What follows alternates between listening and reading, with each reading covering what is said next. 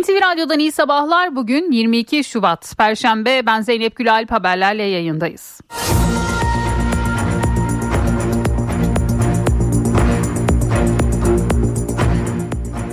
Emeklilere verilecek bayram ikramiyesinin 3 bin liraya yükseltilmesini öngören madde Meclis Adalet Komisyonu'nda kabul edildi. Ramazan bayramı için ödemelerin 10 Nisan öncesinde yapılması bekleniyor. Bir süredir görüşmeleri devam eden 8. yargı paketi Meclis Adalet Komisyonu'nda kabul edildi. Birçok önemli değişikliğin yer aldığı teklif Meclis Genel Kurulu'na gidecek. Teklifin yasalaşması halinde uzun yargılama süreleriyle ilgili manevi tazminat talepleri Anayasa Mahkemesi'nden önce Adalet Bakanlığı'na bağlı tazminat komisyonuna yapılacak. Anayasa Mahkemesi'nin iptal ettiği bazı düzenlemeler de iptal gerekçelerine göre yeniden hazırlandı. Merkez Bankası yılın ikinci faiz kararını Fatih Karahan başkanlığında yapılacak olan toplantı sonrasında açıklayacak. Yapılan anketler sonucunda politika faizinin %45 seviyesinde sabit tutulması bekleniyor. Karar metninde enflasyon ve likidite yönetimine dair mesajların da önemli olacağı belirtiliyor. Türkiye'nin milli muharip uçağı Kaan ilk uçuşunu gerçekleştirdi. 8 yıllık ARGE ve üretim aşamasının ardından başkent Ankara'da gökyüzüyle buluşan yeni nesil savaş uçağı başarıyla iniş yaptı. Testleri sürecek olan Kaan'ın 2028'de envantere girmesi hedefleniyor. Cumhurbaşkanı Recep Tayyip Erdoğan AK Parti Afyonkarahisar aday tanıtım toplantısında konuştu. 31 Mart seçimlerinin önemini anlattı. Ne tecrübeleri ne eserleri var diyerek muhalefeti eleştirdi. Cumhurbaşkanı isim vermeden yeniden Refah Partisi'ni de hedef aldı. Sırf bize kaybettirmek adına ortaya dökülenlere itibar etmeyin dedi. CHP Genel Başkanı Özgür Özel Antalya'da aday tanıtım toplantısında konuştu. Bir kez daha Türkiye İttifakı vurgusu yaptı. İttifak için bir senet olmasına gerek olmadığını belirten Özel, seçmen sandıkta vicdanını birleştirebilir diye konuştu. İyi Parti Genel Başkanı Meral Akşener ise yerel seçimlere bağımsız olarak girme kararlarının ardından hedef alındıklarını söyledi. Akşener hem AK Parti'yi hem de CHP'yi eleştirdi. Kuru gürültünün sebebi seçime özü başımıza girmemiz ifadesini kullandı. 31 Mart'taki yerel seçimlerde siyasi partilerce 26 milletvekili belediye başkan adaylığı listesine konuldu. İyi Parti'den 7, Cumhuriyet Halk Partisi ve Saadet Partisi'nden 5, Adalet ve Kalkınma Partisi'nden de 4 milletvekili belediye başkanlığı için yarışacak. Milletvekilleri arasından aday çıkarmayan tek parti ise Milliyetçi Hareket Partisi oldu. Erzincan'da maden sahasında göçük sonucu toprak altında kalan 9 işçiyi arama çalışmaları ikinci bir toprak kayması riski nedeniyle durdurulmuştu. Bölgede bulunan 5 bakan son duruma ilişkin bilgi verdi. İçişleri Bakanı Ali Yerlikaya güvenli çalışma imkanı sağlanana kadar çalışmalara ara verildiğini söyledi. Çevre Şehircilik ve İklim Değişikliği Bakanı Mehmet Özhaseki de 9 noktadan numune alındığını ve zehirli atağa rastlanmadığını bildirdi. Marmara Denizi açıklarında batan kargo gemisinin kayıp 4 mürettebatını arama çalışmasına bugün de devam edilecek. İki gün önce ans, e, cansız bedenine ulaşılan gemici Hüseyin Tutun cenazesi memleketi Manisa'da toprağa verildi. Tutun 10 yaşındaki kızına iyi bir gelecek kurmak için eski işinden ayrılıp gemide çalışmaya başladığı öğrenildi. Amerika'da havada bomba paniği yaşandı. New Jersey eyaletinden Kaliforniya'ya giden yolcu uçağı tuvaletinde uçağın patlayacağı yönünde bir not bulunması nedeniyle Chicago'ya acil iniş yaptı. Güvenlik güçleri yolcuları tahliye ederek polis köpekleriyle uçakta saatlerce arama yaptı ancak bir şey bulamadı.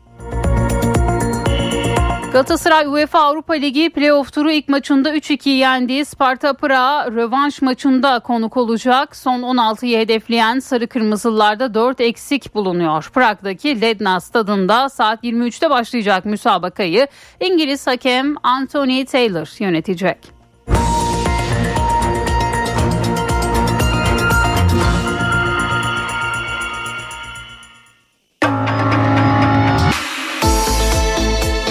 İşe giderken gazetelerin gündemi.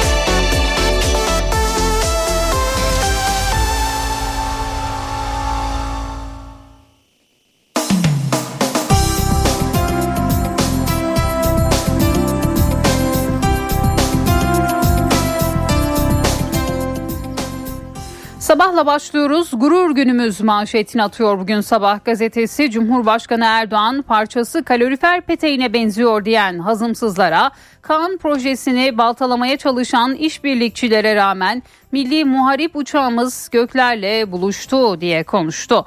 Türkiye kendi 5. nesil savaş uçağını üretme yolunda çok kritik bir eşiği daha geride bıraktı. Bugün Türk savunma sanayinin gurur günlerinden birini daha yaşadık. Dosta güven, düşmana korku salan Kaan ilk uçuşunu başarıyla yaptı.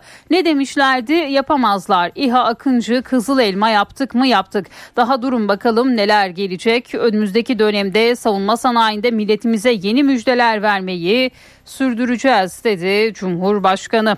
Konteynerden sıcak yuvaya bir diğer haber. Asrın felaketinde evleri yıkılan İslahiyeli Alan ailesi bir yıldır yaşadığı konteyner kentten kalıcı konuta yerleşti. İzinsiz paylaşılan fotoğrafa 2 yıl hapis cezası yine sabahın ilk sayfasından bir diğer haber. Avukatların sosyal medya tartışması adliyede son buldu. Sedef Ünal'ın şahsi fotoğraflarını izinsiz paylaşan Sinan Kocaoğlu hakaret ve taciz e, yorumu yaptı. 9 yıl süren hukuk mücadelesinde Kocaoğlu hapse mahkum oldu diyor bugün Sabah gazetesi. Hürriyetle devam edelim. Havacılıkta bir devrim manşetini atıyor bugün Hürriyet gazetesi. Türkiye'nin ilk milli muharip uçağı Kaan dün kanatlarını gökyüzüne açtı. İlk uçuşunu başarıyla tamamlayan Kaan başkentin 8000 fit üzerinde 13 dakika havada kaldı. Yerli ve milli imkanlarla üretilen ilk savaş uçağı olan Kaan'ın kokpitinde test pilotu Barbaros Demirtaş'tı. Mürettebat e, e, Mürtet Hava Meydanı'ndan havalanan Kaan bir e, e Kaan'a bir F-16 eşlik etti. Uçuşun ardından başarılı bir şekilde piste iniş yapan Kaan'ın pilotu alkışlarla karşılandı. Ankara'daki bu unutulmaz uçuşla Kaan Türk savunma sanayi tarihine adını altın harflerle yazdırdı diyor bugün Hürriyet. Yığmışlar da yığmışlar bir diğer başlık. Bir grup bilim insanı altın madeni sahasında felaketin nasıl geldiğinin izini sürdü. Heyelana neden olan toprak yığınının kontrol edilebilir seviyenin üzerinde olduğu belirlendi. Profesör Doktor Hakan Ersoy dünya literatüründe maksimum 150 metre olan liç yığını burada 257 metreye ulaşmış inanılmaz bir rakam. Dünyada böyle bir liç hiçe rastlamadık dedi. 7'den büyük olacak yine bir diğer başlık yer bilimci Profesör Doktor Naci Görür. 1939'dan 2023'e deprem zinciri hep doğudan batıya ilerledi. Bu sebeple İstanbul'da da kesinlikle 7'den büyük bir deprem olacak diye konuştu. Son dakika sürprizleri yine Hürriyet'in ilk sayfasına taşıdığı bir diğer haber. Partilerin son dakikada yaptıkları sürpriz değişikliklerle YSK'ya teslim ettikleri aday listeleri dengelerin bıçak sırtı olduğu birçok il ve ilçede hesapları karıştırdı. İstanbul'da AK Parti ile CHP arasındaki yarışa İyi Parti, YRP ve DEM de güçlü adaylarıyla dahil oldu. DEM Parti ile görüşmelere konu olan Esenyurt'ta CHP son anda aday değiştirdi. Bursa, Balıkesir, Şanlıurfa ve Manisa'da partileri kritik bir yarış bekliyor. Türkiye İşçi Partisi lideri Erkan Baş Gebze'den aday oldu. CHP ve DEM aday göstermedi ve bu haberde bugün yine Hürriyet'in ilk sayfasında yer buldu. Milliyet'in manşeti yer vatan gök vatan. Türkiye'nin ilk milli muharip uçağı Kaan ilk uçuşunu başarıyla gerçekleştirdi. Türkiye 5. nesil savaş uçağını gökyüzüyle buluşturan 5. ülke oldu diyor ve Kaan'ın ilk uçuşu bugün Milliyet'in de manşetine yansıyor. Kira vergisi kiraya yansır mı bir diğer başlık. Mal sahibinin kiracıdan vergiye ilişkin bir talebi olamaz. Ancak uygulamanın dolaylı olarak kiraları artırabileceğinden endişe ediliyor. Binaların mesken olarak kiraya verilmesinden elde edilen hasılatın 33 bin lirası gelir vergisinden muaf. Bunun üzerindeki kazançlar vergiye tabi. Uygulamanın kiralara etkisi de gündeme geldi. Ev sahiplerinin ödedikleri vergiyi kiracılarına yansıtmaları yasal olarak mümkün değil ancak bunun dolaylı olarak kiraları artırabileceği belirtiliyor. Evlerinde akrabalarını oturtanların da mevzuata dikkat etmesi gerekiyor. Cebimizdeki saatli bomba bir diğer haber İngiltere'deki bilim insanları akıllı telefonların ve led ofis aydınlatma ürünlerinin yaydığı mavi ışığın vücut için zehirli olduğunu ve sağlık için birer saatli bomba sayılabileceğini açıkladı diyor yine Milliyet gazetesi. Yeni Şafak'ın manşetinde de Kaan var. Kaan'la havalara uçtuk manşetiyle çıkıyor Yeni Şafak bugün.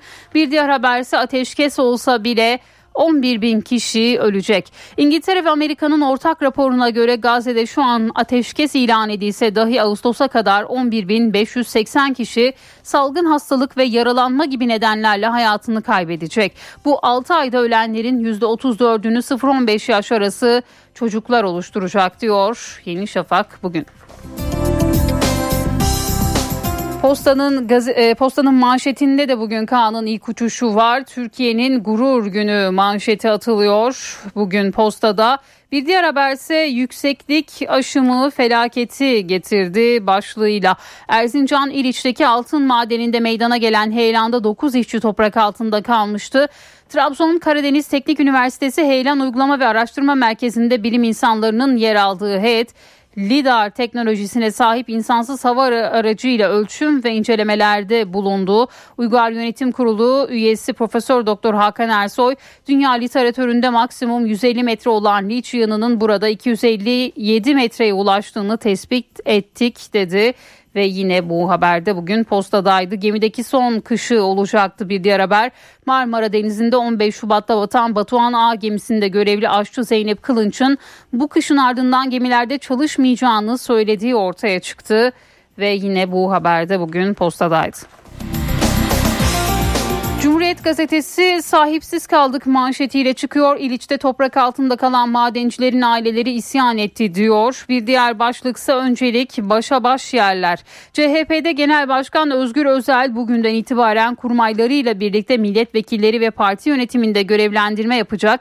Yerel seçim için illerde miting, ilçelerde de halk buluşmaları düzenlenecek. Az farkla kazanılan ya da kaybedilen yerlere ağırlık verilecek diyor Cumhuriyet. Bugün kargoyla eve e, teslim silah yine bir diğer haber Cumhuriyet'in ilk sayfasından. Son 10 yılda toplam 34.197 silahlı şiddet olayı yaşandı. Kontrolsüz silahlanma gün geçtikçe artıyor. İnternet aracılığıyla silah ve mermi satılırken teslimler de kargo yoluyla yapılıyor. Hukukçular denetim eksikliğine dikkat çekiyor diyor. Yine bu haberde Cumhuriyet gazetesinin ilk sayfasında yer buluyor. Şimdi kısa bir araya gideceğiz. Sonrasında haberlerle devam edeceğiz.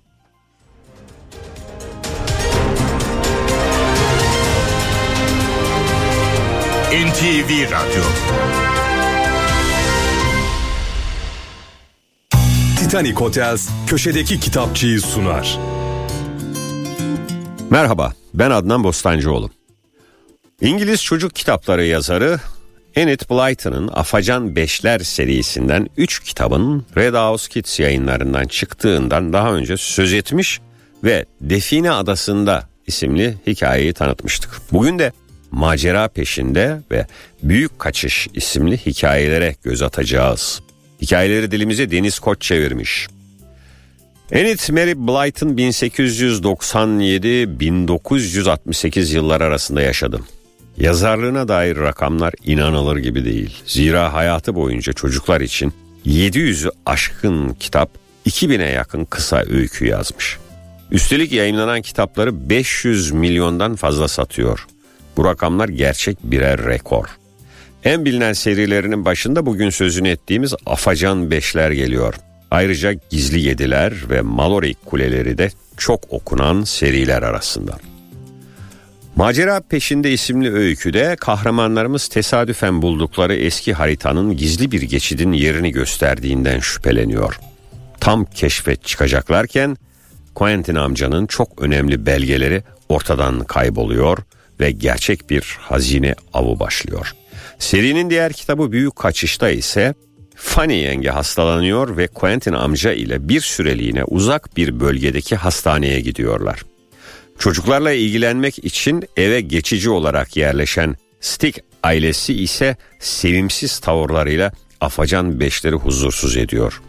Çareyi Kirin adasına kaçmakta bulan George'un peşine diğerleri de takılınca grubumuz kendilerini adada gizemli bir maceranın içinde buluyor. Enkazda rastladıkları sımsıkı kilitli siyah sandık ve gece yarısı duydukları tüyler ürpertici çığlıklar gizemi artırıyor. Herkese iyi okumalar, hoşçakalın. Titanic Hotels köşedeki kitapçıyı sundu. Yiğit Akü yol durumunu sunar. Karayolları Genel Müdürlüğü duyurdu. Zonguldak Devrek yolunun 0-1. kilometrelerinde ve Anamur Aydıncık yolunun 44-45. kilometrelerinde yol bakım çalışmaları yapıldığından ulaşım kontrollü olarak sağlanıyor. Sürücüler dikkatli seyretmeli. Yiğit Akü yol durumunu sundu.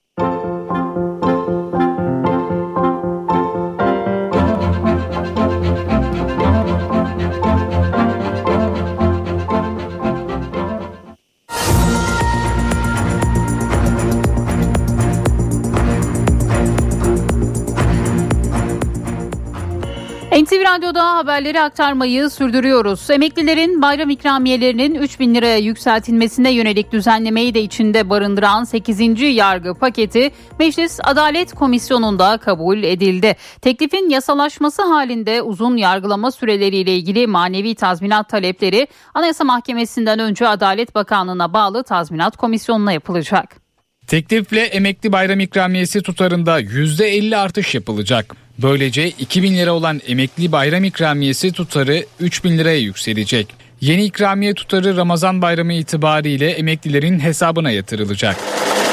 8. yargı paketiyle uzun yargılama süreleriyle ilgili manevi tazminat talepleri Anayasa Mahkemesi'nden önce Adalet Bakanlığı'na bağlı tazminat komisyonuna yapılacak. Yakalama ve tutuklama işlemlerinin yanı sıra adli kontrol işlemlerine karşı kanunda öngörülen başvuru imkanlarından yararlandırılmayan kişiler tazminat isteminde bulunabilecek. Bir günlük adli para cezasının alt sınırı 20 liradan 100 liraya çıkacak. İtiraz, istinaf ve temiz kanun yollarına başvuru süreleri eşitlenerek 2 hafta olacak. Anayasa Mahkemesi'nin iptal ettiği bazı düzenlemelerde iptal gerekçelerine göre yeniden hazırlandı. Buna göre örgüte üye olmamakla birlikte örgüt adına suç işleme fiili müstakil bir suç haline getirildi. Bu fiili gerçekleştiren kişi hem işlediği suç hem de örgüt adına suç işlediği için ayrı ayrı cezalandırılacak. Hükmün geriye bırakılması kararına karşı da temiz yoluna gidilebilecek. Hapis cezasının infazı resen vasi atama sebebi olmayacak. Hükümlünün istemesi gerekecek. Merkez Bankası yılın ikinci faiz kararını Fatih Karahan başkanlığında yapılacak olan toplantı sonrasında açıklayacak. Yapılan anketler sonucunda politika faizinin %45 seviyesinde sabit tutulması bekleniyor. Karar metninde enflasyon ve likidite yönetimine dair mesajların önemli olacağı belirtiliyor. Karar bugün saat 14'te açıklanacak. Türkiye'nin milli muharip uçağı Kaan ilk uçuşunu gerçekleştirdi. 8 yıllık ARGE ve üretim aşamasının ardından başkent Ankara'da gökyüzüyle buluşan yeni nesil savaş uçağı başarıyla iniş yaptı. Testleri sürecek olan Kaan'ın 2028'de envantere girmesi hedefleniyor. Türkiye'nin milli muharip uçağı yerden teker kesti. Gökyüzüyle buluşan Kaan ilk uçuşunu başarıyla gerçekleştirdi. TUSAŞ tarafından üretim çalışmalarına 2016 yılında başlanan Kaan ilk kez 1 Mayıs 2023 tarihinde görücüye çıkmış ardından da iniş takımı düşürme, koltuk fırlatma gibi pek çok yer ve taksi testlerini başarıyla tamamlamıştı. Kaan aynı F-16 gibi. Böylece Türkiye kendi 5. nesil savaş uçağını üretme yolunda çok kritik bir aşamayı daha geride bıraktı. Beklenen gün geldi. Türkiye'nin 5. nesil savaş uçağı Kaan pist başı yaptı ve gökyüzüyle buluştu. Dosta güven, düşmana korku salan Kaan'ımızın diğer testlerini de süratle tamamlamak için çalışmalarımızı yoğunlaştıracağız. İlk uçuşta bir F-16 savaş uçağı da Kaan'la kol uçuşu yaptı. İrtifa verileri doğru mu? Görevler aynı şekilde mi yerine getiriliyor sorularına kol uçuşuyla yanıt arandı. 5. nesil uçak olarak tasarlandı ancak 6. nesil uçak olma yolunda hazırlıklar devam ediyor. Büyük bir ihtimalle Amerika Birleşik Devletleri'nin dünyaya ihraç etmekten sakındığı F-22 Raptor e, cinsi uçaklara muadil bir uçak olacak. Beşinci nesil görünmezliktir biliyorsunuz. Özel bir boyayla boyanıyor. Şu an Türk sanayi, savunma sanayi bu boyayı üretebilme kapasitesine sahip. Yani herhangi bir ülkeden ithal etmiyorsunuz. İkincisi üzerindeki elektronik donanımdır. Bunu da Türk savunma sanayisi üretebiliyor. Kaan'ın Türk Hava Kuvvetleri'nin envanterine 2028 yılında katılması hedefleniyor. 21 metre uzunluğunda 6 metre genişliğindeki uçak saatte 2210 kilometre hıza kadar ulaşabiliyor. Kaan 4'ü gövde içinde 4'ü gövde yanlarında olmak üzere 8 adet orta ve uzun menzilli füze taşıma kapasitesine sahip. Cumhurbaşkanı Recep Tayyip Erdoğan Afyonkarahisar mitinginde konuştu. Muhalefete yönelik sert eleştirileri vardı. Erdoğan isim vermeden yeniden Refah Partisi'ni de hedef aldı. Muhalefetin ne bizim gibi güçlü bir tecrübesi ne örnek gösterilebilecekleri bir eserleri ne de ortaya koyabilecekleri geniş vizyonları var. Türkiye'nin sorunlarına çare olacak. Şehirlerimizin sıkıntılarını giderecek doğru düzgün tek bir önerileri dahi yok. Gittiler Kandil güdümünde siyaset yapanlarla iş tuttular. Al gülüm, ver gülüm pazarlığa giriştiler. Hatalarından ders almak yerine sırf şahsi kariyerleri için bölücü örgütün uzantılarıyla demlenmeyi tercih ettiler. 14 28 Mayıs seçimlerinde milletin sandıkta verdiği mesajı okumayanlar 31 Mart'ta bu sefer milletin tokadını yemekten kurtulamayacaklar. Milletten ve siyasetin temel değerlerinden öyle kopuklar ki belediye başkan adaylarını dahi vatandaşa değil nereye soruyorlar? Yapay zekaya soruyorlar. Sırf bize kaybettirmek amacıyla ortaya dökülen enaniyet abidelerine itibar etmeyin. Yolunu kaybedenlerin, yolunu değiştirenlerin, yolunu şaşıranların tercihleri kendilerini ilgilendirir. Biz bunları nazarı dikkate almıyor, sadece işimize odaklanıyoruz.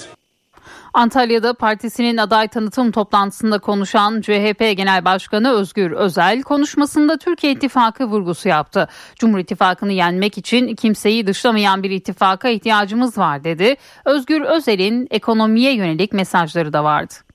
İki tane ittifak yarışıyor. 30 tane parti var ama iki tane ittifak yarışıyor. Birisi eski bir ittifak. Cumhur İttifakı. Cumhur İttifakı'nı yenmek için çok daha güçlü, çok daha özgüveni yüksek, ayakları yere basan, kimseyi dışarıda bırakmayan bir ittifaka ihtiyaç var. Tüm şehirlerde önemli başarıları yapacak olan da bizim ittifakımızdır. Onun adı Türkiye İttifakı. Partilerin yukarıda ittifak senedi imzalamamış olmasının hiçbir mahsuru yok. Seçmen sandıkta vicdanlarını birleştirebilir. Çünkü Türkiye İttifakı'nın özelliği şudur. Oyu kimden alıyor biliyor musunuz?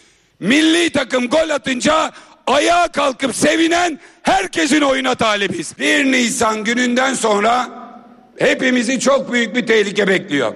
Sıkı para politikası, sıkı maliye politikası, yani kemer sıkma, yani acı reçete. Sırtına binecekler. Bundan 31 Mart günü kurtulabilirsin. İyi Parti Genel Başkanı Meral Akşener ise partisinin grup toplantısında konuştu. Yerel seçimlere bağımsız olarak girme kararının ardından hedef alındıklarını söyledi. Akşener hem AK Parti'yi hem de CHP'yi eleştirdi. 3 bin liraya yükseleceği açıklanan emekliye bayram ikramiyesinin daha da artması gerektiğini söyledi.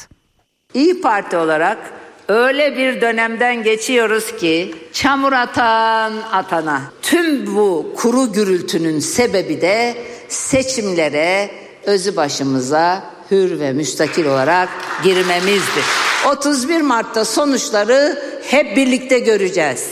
Edileri de, büdüleri de, gizliden, açıktan ortaklık yaptıkları kırpıkları da sandığa gömeceğiz. Ne zaman yeni bir adayımızı açıklasak ya iktidar ya da ana muhalefet her defasında panik atak geçiriyor. Çünkü aldığımız kararla siyaset simsarlarının tezgahını bozduk. Ama artık bu konforlu edi büdü siyasetine dur diyen, siyasete yeniden rekabeti getiren İyi Parti var, biz varız, siz varsınız. Mayıs ayında söz verdiğimiz ama sözünüzden dönüp yapmadığınız zammı da hesaba katarak Ocak ayı için tüm emekli maaşlarına seyyanen 11 bin lira zam yapın.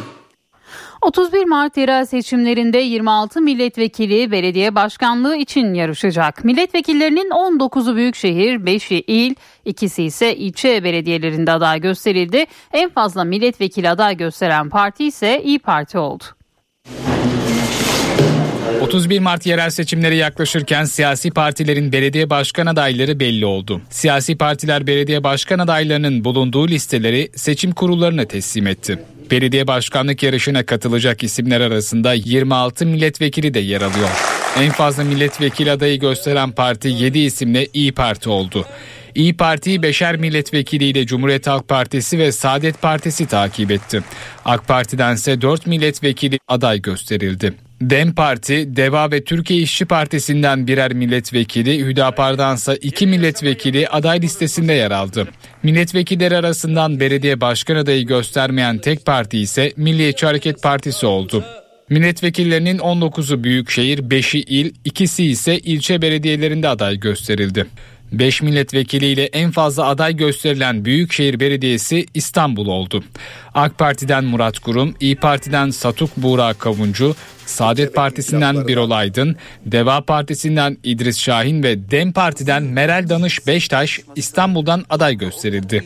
Belediye başkan adayı olarak gösterilen 26 milletvekili seçilmeleri halinde milletvekilliğinden istifa edecekler. Aday gösterildikleri illerde kazanamayan milletvekilleri ise meclisteki görevlerine devam edecek. Saadet Partisi'nden aday gösterilen 5 milletvekilinden herhangi birisinin seçilme halinde ise partinin meclis grubu düşecek. NTV Radyo Türkiye'nin yeni Amerika Birleşik Devletleri Büyükelçisi Sedat Önal oldu. Washington Büyükelçisi Murat Mercan 14 Ocak'ta yaş haddinden dolayı emekliye ayrılmıştı. Türkiye'nin Washington Büyükelçiliği görevini Birleşmiş Milletler'de daimi temsilcilik pozisyonunda bulunan Büyükelçi Sedat Önal üstlenecek. Önal'dan boşalacak göreve de Dışişleri Bakan Yardımcısı Ahmet Yıldız getirilecek. Diplomatik kaynaklardan edinilen bilgiye göre Dışişleri Bakanı Hakan Fidan, Türkiye'nin Washington Büyükelçisi ve New York'taki Birleşmiş Milletler daimi temsilcisi olacak isimlere yeni görevlerini telefonla bildirdi. Erzincan'da maden sahasında göçük sonucu toprak altında kalan 9 işçiyi arama çalışmaları ikinci bir toprak kayması riski nedeniyle durdurulmuştu. Bölgede bulunan 5 bakan son duruma ilişkin bilgi verdi. Yapılan analizlerde suya herhangi bir zehirli maddenin karışmadığı belirtildi. Arkadaşlarımız her gün 9 noktadan burada numune alıyorlar. Sonra bunu gerek kendi mobil cihazımızda gerekse 3 ayrı dışarıdaki yetkin laboratuvarlarda incelettiriyorlar. Şu ana kadar çok şükür tehlike oluşturacak bir zehirli atığa rastlanmadı. Erzincan'da altın madeni sahasında 13 Şubat'ta meydana gelen göçüğün nedeni araştırılıyor. Toprak altında kalan 9 kişiyi arama çalışmaları ikinci bir heyelan riski nedeniyle durduruldu. Bölgeye giden 5 bakan maden sahasında inceleme yaptı. Hem son duruma ilişkin hem de ihmal iddialarına ilişkin önemli açıklamalarda bulundu. Her iki tarafta yani sabırlı ve Mangan açık ocağındaki arama faaliyetlerine ara veriyoruz. Tekrar ediyorum ara veriyoruz. Ne zamana kadar? Bize evet arama ile ilgili aşağıda güvenle tekrar ediyorum güvenle çalışabilirsiniz denildiği an AFAD koordinasyonunda tekrar arama faaliyetlerine devam edilecek. Heyelan olmuş toprağın uygun olacak alanlara taşınmasıyla ilgili faaliyetlerimiz şu anda devam ediyor. O alanlar tespit edildi. Şu anda altısı tutuklu, üçü adli kontrol şartıyla serbest olmak üzere 9 kişi hakkında adli iş, e, cezai işlemler veya adli işlemler devam ediyor. Ama bu sayı artabilir. Maden sahasındaki zehirli maddelerin Fırat Nehri'ne ulaşmaması için de özel önlem alınıyor. Öncelikle yüzey sularının e, baraja akmamasıyla alakalı sedde yapılmaya başlandı. Şu anda 8 metreye ulaştı. 11 metreye kadar ulaştıracağız. Gelecek olan yağışları da depolama amacıyla e, yaklaşık şu an için planlamalar 30 metre yüksekliğinde adeta küçük bir baraj inşa edilecek. Tabii olayla ilgili idari ve hukuki süreç devam ediyor. Ancak müfettişlerimizin hazırlayacağı raporlar belli bir zamanı alacaktır. Ama en son noktada burada ihmali ve kusuru olan kim varsa hukuk önünde gerekli hesabı vereceğini de ifade etmek isterim. Çevre, Şehircilik ve İklim Değişikliği Bakanı Mehmet Özhaseki bölgeye ilk kez gitti. Sağlık sorunları nedeniyle daha önce gelemediğini söyleyerek özür diledi. Arkadaşlar özellikle kendi özelimle ilgili bir şey söylemek istemezdim. Ancak bir ay kadar önce 8 saat süren bir operasyon geçirdim.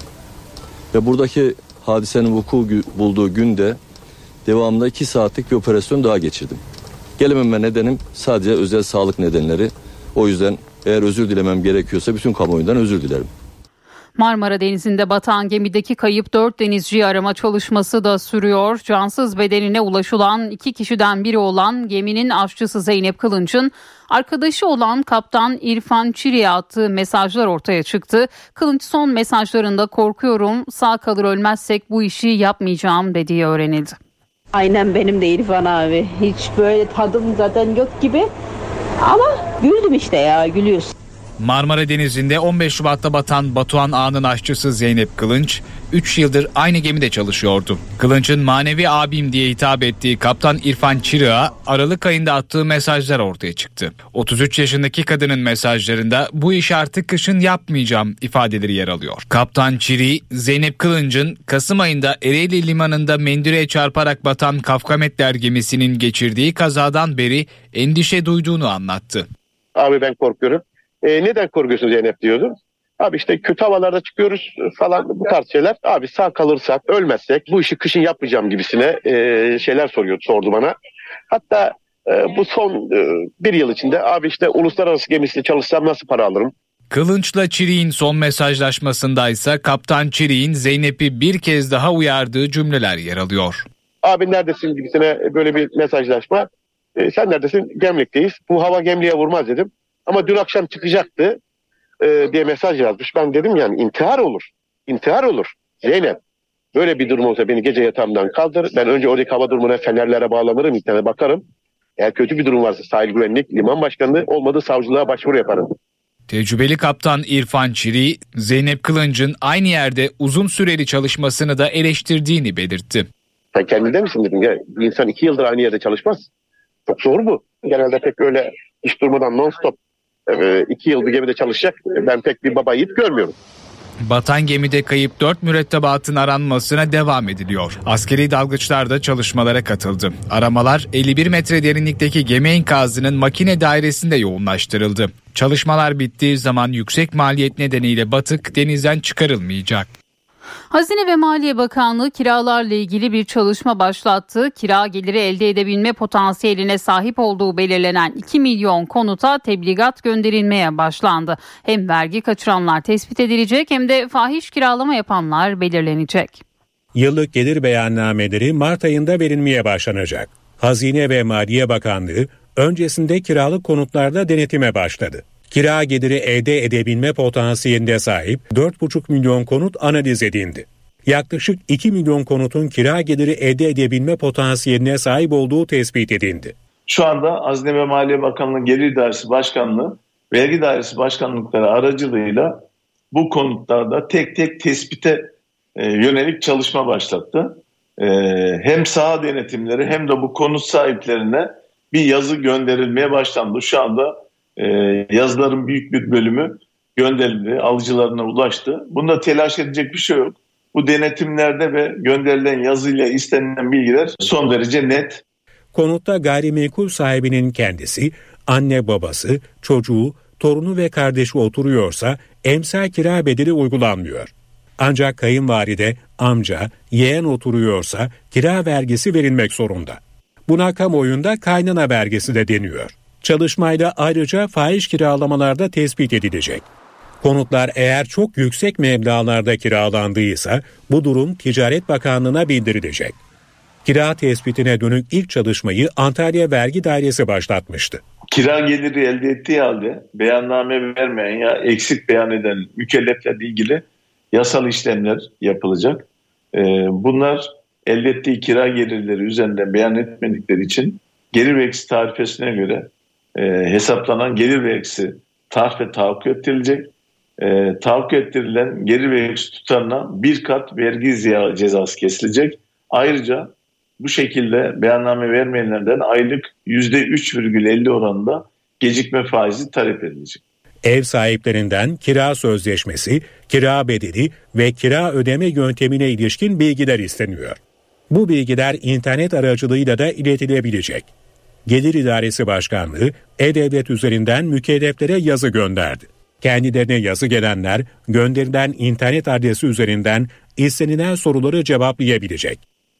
Konut kredilerinde bazı bankalar faiz oranlarını %4'e kadar çıkardı. Bu da 2,5 milyon liralık bir konut kredisinin 10 yıllık geri ödemesinin 13 milyona yaklaştığı anlamına geliyor. Ev almayı düşünüyorum ama yani şu şartlarda biraz zor açıkçası. Hani biz gençler için e, ev almak gerçekten zor. Çıkıp açıkçası kendi evime yerleşebilir miyim? Şu an hayal bile edemiyorum kendi adıma. Oranlar iyice uçtu, geri ödemeler ana paranın dört katını aştı. Konu sahibi olmak artık hayal olmaktan bile çıkıyor. Baktınız mı konut kredilerine? Yok maalesef bakmıyoruz çünkü hayal çok uzakta bir hayal. Ee, Bundan dolayı kredileri maalesef takip edemiyoruz. Faizlerin yükselmesiyle birlikte konut kredisinde oranlar iyice yükseldi. Bazı bankalar kredi faizlerini %4'e kadar çıkardı. Öyle ki 2,5 milyon liralık konut kredisinin 10 yıllık geri ödemesi 13 milyon liraya yaklaşmış durumda. Şu andaki oranları biliyor musunuz? Yani faiz oranlarının aşağı yukarı 4,5-5 seviye civar, e, civarında olduğunu biliyorum ama Oranlarını aşağı yukarı bildiğim için bakmadım. Korkutuyor ya yani. Olmaz ki. Kim alıyor? Yani 90 bin liralık bir taksit ödeyecek ma- e, maaş kim alıyor ki ülkede? Hani? Ev sahibi olmak isteyenler yüksek faiz oranlarına tepkili. Oranlar aşağı çekilse de sorunun bitmeyeceğini düşünüyorlar. Kredilerin düşmesi de ev fiyatlarını arttıracak. E, bu sefer de o da çare olmayacak. Yani bir çıkmaz içince açıkçası.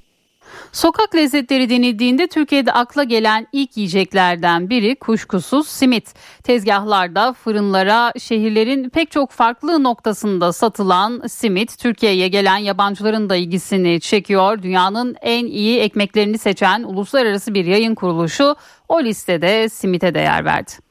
Evet simitlerimiz yeni geldi efendim. Taş fırın simitleri. Geçmişten bugüne Türkiye'de kurulan hemen her sofrada yer alan sokak simidinin şöhreti ülke sınırlarını aştı. Bundan her gün yiyebilirim. Çok çıtır, benim favorim. Çok sevdim. Fırından çıkan sıcacık taptaze simitler yalnızca Türkleri değil Türkiye'ye gelen turistleri de cezbediyor. Sokak lezzetlerinin vazgeçilmezinden simit dünyanın en iyi 50 ekmeğinden biri seçildi. Uluslararası haber kanalı CNN'in seyahat bölümü dünyanın en güzel ekmeklerinden oluşan bir liste yayınladı. Ekmek tarihi konusunda çalışmalar yapan araştırmacı William Rubel'in hazırladığı listede Türk simidi yanmış kabuk ekmeklere hafif bir tatlılık katıyor denilerek tanıtıldı. Dört gündür İstanbul'dayız ve her gün simit yemeye gidiyoruz diyebilirim. Fiyatı çok uygun, tadı da çok güzel. Tarih kitapları susamlı simidin Osmanlı döneminden bu yana üretildiğini gösteriyor. Farklı kentlerde farklı tariflerle yapılsa da hemen her sofrada yerini alıyor. İstanbul simidinin diğer simitlerden bizim simidin farklı olması, odun ateşinde pişmesi, içini çekerek güzel. Öbürleri gibi yumuşak olmaz, daha çıtır olur, daha lezzetli olur, daha bir kırmızı tonda olur. Pekmezi mesela 2-3 çeşit bir pekmez karışımı kullanıyoruz biz. Siyasetçilerin ülke ekonomisi konusunda referans da gösterdiği simit İstanbul tezgahlarında 12, Ankara ve İzmir'de ise 10 liradan satılıyor.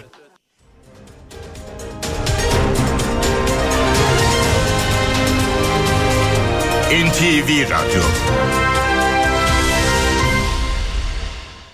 HDI Sigorta İstanbul'un yol durumunu sunar.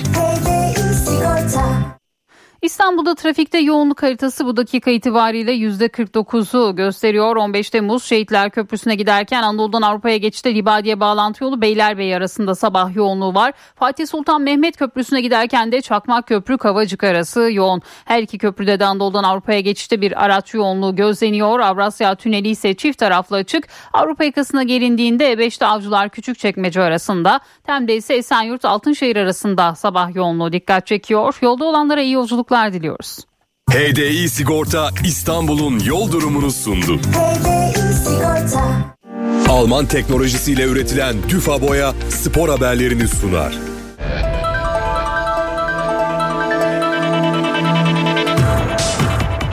Galatasaray UEFA Avrupa Ligi playoff turu ilk maçında 3-2 yendiği Sparta Praga rövanş maçında konuk olacak. Son 16'yı hedefleyen Sarı Kırmızılılarda kırmızı kart cezalısı Victor Nelson'un yanı sıra sakatlıkları bulunan Hakim Ziyech, Sergey Auer ve Tanguy Endombele karşılaşmada forma giyemeyecek. UEFA kadrosuna dahil edilmeyen yeni transfer Dörik Köln de kafilede yok. Galatasaray rakibi karşısında kazanması veya berabere kalması durumunda UEFA Avrupa Ligi'nde son 16 turuna yükselecek. Çekya'nın başkenti Prag'daki Letna stadında saat 23'te başlayacak müsabakayı İngiliz hakem Anthony Taylor yönetecek. Suudi Arabistan'da oynanamayan Süper Kupa'nın yeni tarihi ve adresi belli oldu. Futbol Federasyonu Galatasaray Fenerbahçe maçının 7 Nisan'da Şanlıurfa'da oynanacağını duyurdu. Galatasaray ve Fenerbahçe'nin Trendyol Süper Lig'in 32. haftasında oynaması gereken maçların da tarihi değişti. 5, 6, 7 ve 8 Nisan'da oynanması planlanan karşılaşmalar birer hafta kaydırıldı. Değişiklik nedeniyle ligin bitiş tarihi de ertelendi. 16 Mayıs'ta bitmesi planlanan Süper Lig 26 Mayıs'ta sona erecek. Ayrıca Avrupa serüvenine devam eden iki takım da çeyrek finale yükselirse Süper Kupa'dan 4 gün sonra Avrupa'da sahaya çıkacaklar. Şanlıurfa ise 14 yıl sonra Süper Kupa'ya ev sahipliği yapacak. Fatih Terim yönetimindeki Panathinaikos Yunanistan Kupası'nda finale yükseldi. Yeşil Beyazlılar yarı finalde konuk ettiği PAOK'u penaltılarda 6-5 mağlup etti. Yeşil Beyazlılar'da Dragowski kurtardığı 3 penaltıyla öne çıkarken PAOK'ta ise son penaltıyı eski Fenerbahçeli Samat'ta kaçırdı.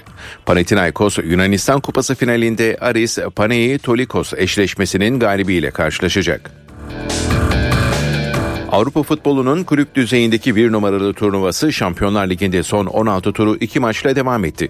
Dün oynanan karşılaşmalarda Napoli ile Barcelona 1-1 berabere kalırken Porto son dakika golüyle Arsenal'ı 1-0 yendi.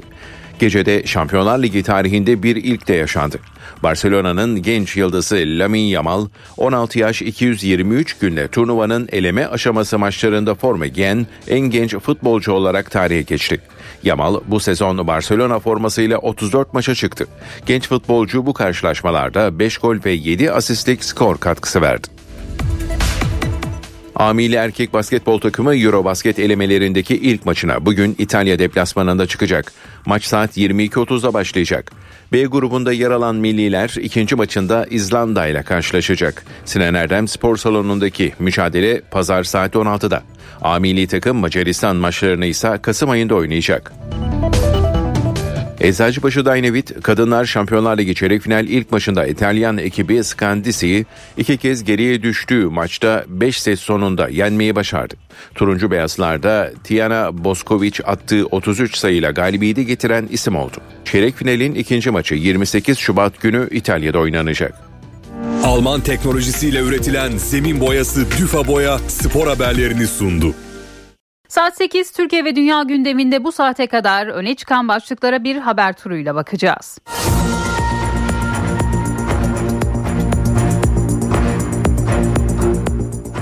Emeklilere verilecek bayram ikramiyesinin 3 bin liraya yükseltilmesini öngören madde Meclis Adalet Komisyonu'nda kabul edildi. Ramazan bayramı için ödemelerin 10 Nisan öncesinde yapılması bekleniyor. Birçok önemli değişikliğin yer aldığı 8. E, yargı paketi teklifi Meclis Genel Kurulu'na gelecek. Teklifin yasalaşması halinde uzun yargılama süreleriyle ilgili manevi tazminat talepleri Anayasa Mahkemesi'nden önce Adalet Bakanlığı'na bağlı tazminat komisyonuna yapılacak. Anayasa Mahkemesi'nin iptal iptal ettiği bazı düzenlemelerde iptal gerekçelerine göre yeniden hazırlandı. Bugün gözler başkent Ankara'da Merkez Bankası'nda olacak. Merkez Bankası bugün faiz kararını açıklayacak. Bu yeni başkan Fatih Karahan başkanlığındaki ilk karar olacak. Yapılan anketler sonucunda politika faizinin %45 seviyesinde sabit tutulması bekleniyor. Karar metninde enflasyon ve likidite yönetimine dair mesajların da önemli olacağı belirtiliyor. Faiz kararı saat 14'te açıklanacak. Türkiye'nin milli muharip uçağı Kaan ilk uçuşunu gerçekleştirdi. 8 yıllık ARGE ve üretim aşamasının ardından başkent Ankara'da gökyüzüyle buluşan yeni nesil savaş uçağı başarıyla iniş yaptı. Testleri sürecek olan Kaan'ın 2028'de envantere girmesi bekleniyor.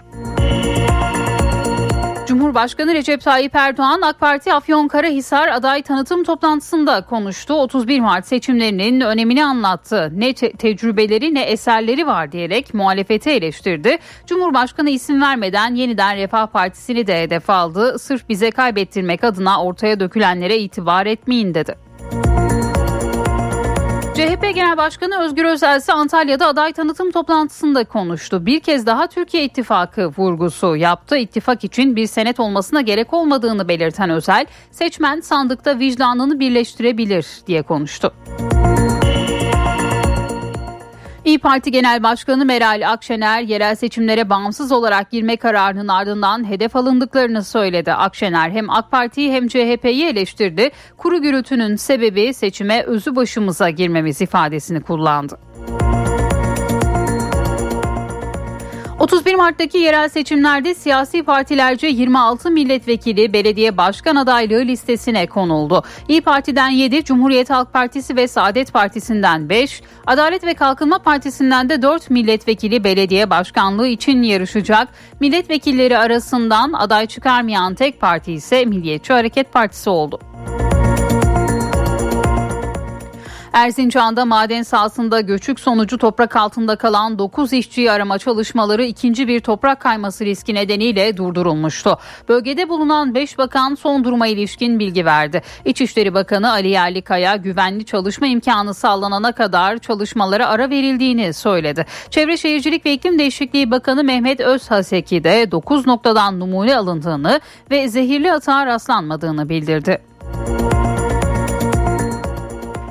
Marmara Denizi açıklarında batan kargo gemisinin kayıp 4 mürettebatın arama çalışmasına bugün de devam edilecek. İki gün önce cansız bedenine ulaşılan gemici Hüseyin Tutuk'un cenazesi memleketi Manisa'da toprağa verildi. Tutuk'un 10 yaşındaki kızına iyi bir gelecek kurmak için eski işinden ayrılıp gemide çalışmaya başladığı öğrenildi.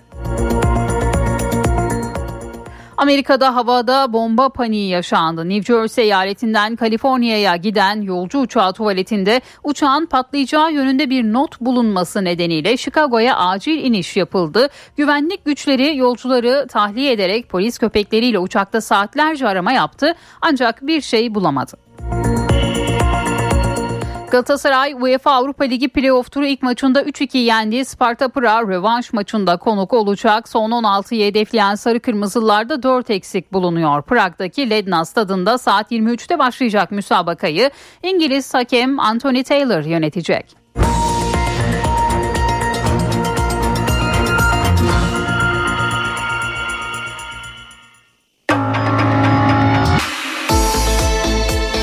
İşe giderken gazetelerin gündemi.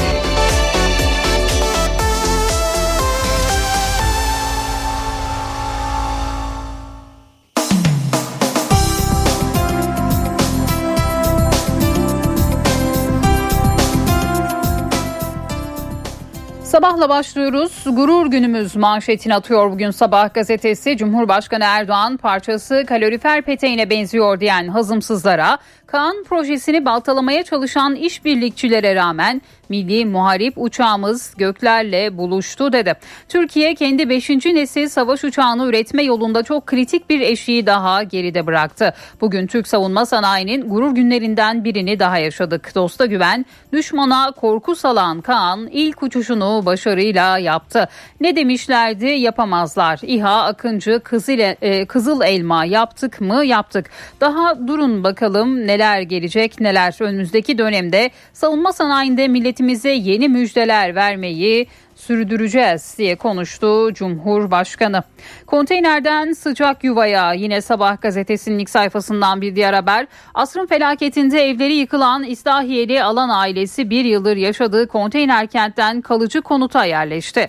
Gaziantep'in İslahiye ilçesinde depremzedeler için yaptırılan konutlarda yaşam başlıyor. Kurayla belirlenen 405 aileden biri olan Mahmut Alan eşi ve 3 çocuğuyla evine taşınan ilk aile oldu. Konteyner kentteki komşularıyla vedalaşıp dairelerine taşınan çift büyük acılar yaşadık ama devletimizin eli hep üstümüzdeydi dedi. İzinsiz paylaşılan fotoğrafa 2 yıl hapis cezası yine sabahın ilk sayfasından avukatların sosyal medya tartışması adliyede son buldu. Sedef Ünal'ın şahsi fotoğraflarını izinsiz paylaşan Sinan Kocaoğlu hakaret ve taciz yorumu e, yaptı. 4 yıl süren hukuk mücadelesinde Kocaoğlu hapse mahkum oldu. Avukat Serhat Kocaoğlu yaptığı yorumlar nedeniyle 9 yıl sonra 2 yıl hapis cezasına çarptırıldı deniliyor. Bu haberde yine sabahın ilk sayfasında yer buluyor. Hürriyet'in manşetinde havacılıkta bir devrim başlığını görüyoruz. Türkiye'nin ilk milli muharip uçağı Kaan dün kanatlarını gökyüzüne açtı. İlk uçuşunu başarıyla tamamlayan Kaan, başkentin 8000 feet üzerinde 13 dakika havada kaldı. Yerli ve milli imkanlarla üretilen ilk savaş uçağı olan Kaan'ın e, kokpitinde test pilotu Barbaros Demirtaş oturdu. Mürtet Hava Meydanı'ndan havalanan Kaan bir F10 e, Kaan'a bir F-16 eşlik etti. Uçuşun ardından başarılı bir şekilde piste iniş yapan Kaan'ın pilotu alkışlarla karşılandı. Ankara'daki bu unutulmaz uçuşla Kaan Türk savunma sanayi tarihine adını altın harflerle yazdırdı diyor Hürriyet gazetesi. Yığmışlar da yığmışlar bir diğer başlık. Bir grup bilim insanı altın madeni sahasında felaketin nasıl geldiğinin izini sürdü. Heyelana neden olan toprak yığınının kontrol edilebilir seviyenin üzerinde olduğu belirlendi. Profesör Doktor Hakan Ersoy dünya literatüründe maksimum 150 metre olan liç yığını burada 257 metreye ulaşmış inanılmaz bir rakam. Dünyada böyle bir liçe rastlamadık dedi. 7'den büyük olacak bir diğer başlık yer bilimci Profesör Doktor Naci Görür 1939'dan 2023'e deprem zinciri hep doğudan batıya ilerledi. Bu sebeple İstanbul'da da kesinlikle 7'den büyük bir deprem olacak dedi. Son dakika sürprizleri yine Hürriyet'in ilk sayfasından bir diğer başlık. Partilerin son dakika yaptıkları sürpriz değişikliklerle Yüksek Seçim Kurulu'na teslim ettikleri aday listeleri dengelerin bıçak sırtı olduğu birçok il ve ilçede hesapları karıştırdı. İstanbul'da AK Parti ile CHP arasındaki yarışa İyi Parti, Yeniden Refah Partisi ve DEM de güçlü adaylarıyla dahil oldu. DEM Parti ile görüşmelere konu olan Esenyurt'ta CHP son anda aday değiştirdi. Bursa, Balıkesir, Şanlıurfa ve Manisa'da partileri kritik bir yarış bekliyor. Türkiye İşçi Partisi lideri Erkan Baş Gebze'de aday oldu. CHP ve DEM aday göstermedi ve yine bu haberde bugün Hürriyet gazetesindeydi. Milliyet'in manşetinde de Kaan yer buluyor. Kaan'ın ilk uçuşu yer buluyor. Yer vatan, gök vatan başlığı atılıyor. Türkiye'nin ilk milli muharip uçağı Kaan ilk uçuşunu başarıyla gerçekleştirdi. Türkiye 5. nesil savaş uçağını gökyüzüyle buluşturan 5. ülke oldu. Kira vergisi kiraya yansır mı? Bir diğer başlık Milliyet gazetesinden. Mal sahibinin kiracıdan vergiye ilişkin bir talebi olamaz. Ancak uygulamanın dolaylı olarak kiraları artırabileceğinden endişe ediliyor. Binaların mesken olarak kiraya verilmesinden elde edilen hasılatın 33 bin lirası gelir vergisinden muaf. Bunun üzerindeki kazançlar vergiye tabi. Uygulamanın kiralara etkisi de gündeme geldi. Ev sahiplerinin ödedikleri vergiyi kiracılarına yansıtmaları yasal olarak mümkün mümkün değil ancak bunun dolaylı olarak kiraları artırabileceği belirtiliyor. Evlerinde akrabalarını oturtanların da mevzuata dikkat etmesi gerekiyor. Cebimizdeki saatli bomba yine bir diğer başlık milliyetten İngiltere'deki bilim insanları akıllı telefonların ve led ofis aydınlatma ürünlerinin yaydığı mavi ışığın vücut için zehirli olduğunu ve sağlık için birer saatli bomba sayılabileceklerini açıkladı. Mavi ışık diyabete neden olabiliyor ve sağlığa verdiği zararlarla ömrü kısaltabiliyor diyor bugün yine Milliyet. Yeni Şafak'ın manşetinde de milli muharip uçak Kaan'ın ilk uçuşu yer buluyor. Kaan'la havalara uçtuk başlığı atılıyor. Bir diğer haberse ateşkes olsa bile 11 bin kişi ölecek. İngiltere ve Amerika'nın ortak raporuna göre Gazze'de şu an ateşkes ilan edilse dahi Ağustos'a kadar 11.580 kişi salgın hastalık ve yaralanma gibi nedenlerle hayatını kaybedecek. Bu 6 ayda ölenlerin %34'ünü 0-15 yaş arası çocuklar oluşturacak diyor bugün Yeni Şafak gazetesi. Posta ile devam ediyoruz. Türkiye'nin gurur günü diyor Posta gazetesi de Türk Havacılık Uzay Sanayi tarafından üretilen milli muharip uçağı Kaan dün ilk uçuşunu Ankara'da başarıyla gerçekleştirdi notuyla paylaşılıyor bu haberde. Yükseklik aşımı felaketi getirdi yine Erzincan'daki İliç'teki altın madeninde meydana gelen heyelanda 9 işçi toprak altında kalmıştı. Trabzon Karadeniz Teknik Üniversitesi Heyelan Uygulama ve Araştırma Merkezi'nden bilim insanlarının yer aldığı heyet lidar teknolojisine sahip insansız hava aracı ile ölçüm ve incelemelerde bulundu. Yığın 257 metre sonucu çıktı ve bu haberde yine postanın ilk sayfasındaydı. Gemideki son kışı olacaktı. Marmara Denizi'nde 15 Şubat'ta batan Batuhan A gemisinde görevli aşçı Zeynep Kılınç'ın bu kışın ardından gemilerde çalışmayacağını söylediği ortaya çıktı. Milliyet.com.tr'den Zeynep Dilara Akyüreğin ulaştığı kaptan İrfan Çiri, Zeynep'in kendisine attığı son mesajları anlattı. Kılınç abi olarak gördüğü İrfan Çiri'ye Karadeniz'de 19 Kasım'da Kafkametler gemisinin batmasının ardından duyduğu endişeden söz etmiş. Genç kız eğer sağ salim yaşarsak öyle yapacağım diyerek gemiden ayrılacağını söylemiş ve yine bu haberde bugün Posta Gazetesi'nin ilk sayfasında yer aldı. Cumhuriyet'in manşetinde sahipsiz kaldık başlığı yer buluyor. İliç'te toprak altında kalan madencilerin aileleri isyan etti deniliyor. Bir diğer haberse öncelik başa baş yerler başlığıyla. CHP'de Genel Başkan Özgür Özel bugünden itibaren kurmaylarıyla birlikte milletvekilleri ve parti yönetiminde görevlendirme yapacak. Yerel seçim için illerde miting, ilçelerde de halk buluşmaları düzenlenecek az farkla kazanılan ya da kaybedilen yerlerde ağırlık verilecek ve bu haberde yine Cumhuriyet'te yer buluyor. Bir diğer başlıksa kargoyla eve teslim silah. Son 10 yılda toplam 34.197 silahlı şiddet olayı yaşandı. Kontrolsüz silahlanma gün geçtikçe artıyor. İnternet aracılığıyla silah ve mermi satılırken teslimler de kargo yoluyla yapılıyor. Hukukçular denetim eksikliğine dikkat çekiyor diyor Cumhuriyet gazetesi yine bugün ilk sayfasına aldığı haberinde. NTV Radyo Evdeki Hesap Profesör Murat Ferman hafta içi her gün ekonomideki güncel gelişmeleri NTV Radyo dinleyicileri için yorumluyor. Günaydın Sayın Ferman mikrofon sizde. Zeynep Hanım günaydın. İyi bir gün, iyi yayınlar diliyorum. Bugün günlerden para politika kurul toplantısı zamanı e, bilindiği üzere Merkez Bankası 12 ayın tamamında her ay olmak üzere para politika kurulunu topluyor ve gösterge faizle ilgili kararını açıklıyor. E, bu karar aslında bu seferki karar aslında seçimlere 40 günden az bir zaman kala yapılan ve değerli e, basınımızın, ekonomi basınımızın duayen ismi Alaaddin Aktaş'ın bugün attığı başlıkla belki de en sıkıcı o sıkıcıyı tırnak içinde kullanmış değerli üstadımız e, bir PPK e, kurul toplantısı olacak. Çünkü 3 aşağı 5 yukarı ne olacağı belli. Seçim atmosferinde seçime geri gün sayılırken e, gösterge faizinde herhangi bir değişiklik beklenmiyor. Bu bakımdan hani İngilizce'de mundane denilen e, kestirilebilir, hiç de böyle heyecan verici olmayan bir toplantı olarak Üstad bunu belirtmiş. Tabii önemli olan bu konuda bu kararla beraber acaba e, karar metninde neler olacak onlara bakmakta fayda var.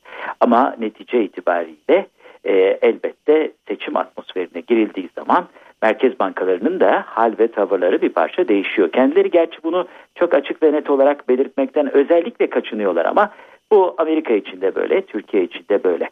Amerika demişken isterseniz bir de Amerika'daki duruma bakalım. Orada da seçimlere neredeyse 250 gün kaldı tabii Amerikan seçimleri, başkanlık seçimleri şu an itibariyle iki e, önemli isim ön safta, ön plana çıkıyor. Bunlardan bir tanesi eski başkan Donald Trump, diğeri de e, şimdiki başkan Biden. Joe Biden ve Donald Trump'ın son dönemlerde kendilerine göre farklı problemleri var. Quinnipiac Üniversitesi en son e, saatler evvel bir araştırma sonucunu açıkladı. Bu çerçevede Amerikan seçmeni, Amerikan halkı hem Başkan Biden'ın hem de Donald Trump'ın ileri yaşları da göz önüne alınarak aslında akıl sağlığı ve e, melekeleri bakımından e, başkanlık konusunda şüpheli olduklarına dair kanaatlerini ortaya koymuşlar. E, Joe e, Biden'ın e, bu konudaki e, sıkıntılı olduğunu düşünenlerin sayısı e, yüzde 64 oranı yüzde 64 düzeltiyorum. E, bu önemli bir sayı tabii. 81 yaşındaki Biden için e, bunun aksini belki göstermek veya en azından bu tabloyu daha da kötüye çevirecek yeni e, bir takım sıkıntılarla karşılaşmamak önemli. 77 yaşındaki Trump için ise e, bu oran %52 civarında. Tabii Trump'ın e, çok daha başka problemleri var. Onlara değinerek tamamlamadan evvel şunu da söyleyelim. Bu Quinnipiac Üniversitesi e, önemli bir e, üniversite, önemli bir kanal. E, daha evvel yaptığı bütün kamuoyu yoklamalarında da belirli bir seviyeyi tutturmuş bir kaynak olarak biliniyor. E, evet bu e, güven veya tereddüt e, var olmakla beraber şu anda öndeki adaylar bakımından e, Trump'ın Biden'ın 4 puan gerisinde kaldığını iddia ediyor veya gösteriyor. Özellikle tabii Biden'ın isyanı şuradan. Bidenomics denilen yani Biden'ın getirdiği ekonomi e, politikaları ve uygulamaları çerçevesinde Amerika Birleşik Devletleri'nde sokaktaki insan pek mutlu olmamakla beraber rakamlar olağanüstü. Müthiş rakamlar. Yani Avrupa ağlıyor, kan kaybediyor. Almanya e, eksiden e, pozitife geçmeye çalışırken boyuna irtifa kaybediyor. En son gene saatler evvel aşağı yönlü bir revizyon oldu. OECD'nin büyüme raporları aşağı doğru revize edildi. Amerika Birleşik Devletleri'nin neredeyse ikiye ulaşacak büyüme oranı hatta daha da yukarısında boyuna üste doğru revize ediliyor. İşsizlik tarihi alt seviyede, enflasyonla mücadelede önemli e, mesafe alınmış. E, herkes ağlıyor. Avrupa bitmiş bir portreyle karşımıza çıkıyor. Amerika ise tam tersine rakamlarda gayet yukarı yönlü grafikler çiziyor. Biden'ın da isyanı bu noktada. Rakamlar çok iyi. Vatandaşlar niye mutsuz diyor. Tabii e, Trump'ın e, çok daha önemli biliyorsunuz sıkıntıları var. E, Trump geçenlerde şirket merkezinin bulunduğu New York'ta çok tartışmalı bir kararla karşı karşıya kaldı. Bir mahkumiyete konu oldu. 3 sene boyunca New York eyaletindeki hiçbir şirketin yönetiminde bulunamayacak. Neden? Çünkü daha evvel mevcut durumunu, finansal tabloları abartarak kamuoyunu yanılttığı iddia ediliyor. Şimdi soru şu, şirket emanet edilmeyen bir kişiye ülke nasıl emanet edilebilir? Hatta e, gruba bir kayyum atandı. Kayyumlar heyeti atandı. Bu da tabii enteresan bir açılım. Aynı zamanda biliyorsunuz takım tazminat davaları var.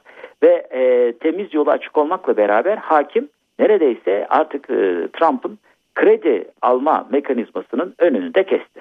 Bu enteresan gelişmeler 250 gün kala bakalım seçimlere e, Amerika'da durum nasıl olacak? Çünkü Amerikan seçimleri sadece Amerika'yı ilgilendirmiyor. Tüm dünyayı ilgilendiren açılımlara ve sonuçlara yol açacak. Bu genel bilgi paylaşımı ve ufuk turu çerçevesinde değerli dinleyenlerimize katma değeri yüksek ve yüksek katma değerli bir gün diliyor. Huzurlarınızdan hürmetlerle ayrılıyorum. Profesör Murat Ferman'la evdeki hesap sona erdi. Kaçırdığınız bölümleri www.ntvradio.com.tr adresinden dinleyebilirsiniz. Dünya markası Bras çatı sistemleri finans bültenini sunar.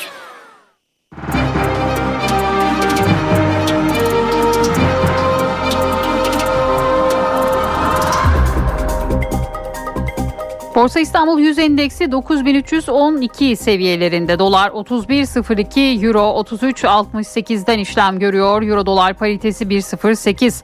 Altının onzu 2029 dolar. Kapalı çarşıda gram altın 2024, çeyrek altın 3433 liradan satılıyor.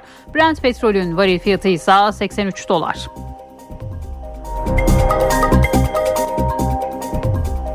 Dünya markası Bras çatı sistemleri finans bültenini sundu. NTV Radyo Benzersiz duvarlar artık hayal değil. Sandeko Boya hava durumunu sunar. Ülkede bugün de çoğu yerde ayaz ve kuru soğuğun etkisi olacak. Hafta sonuysa sıcaklık 5-6 derece artıyor. İstanbul güneşli ama yine soğuk 12 derece. Cuma'dan itibaren hava daha ılık olacak. Ankara parçalı bulutlu İzmir ve Bursa'da yer yer pus oluşuyor. Antalya'da Korkuteli Aksu taraflarında yağmur geçişi olacak. Ankara 10, İzmir 16, Bursa 13, Antalya 18 derece olacak bugün. Eşsiz boya, eşsiz mekanlar. Sandeko Boya hava durumunu sundu.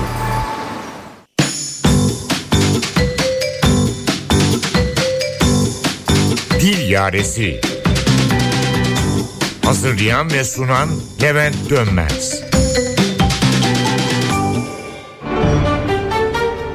Ne akilem ne divane Gel gör beni aşk neyledi demiş Yunus Emre.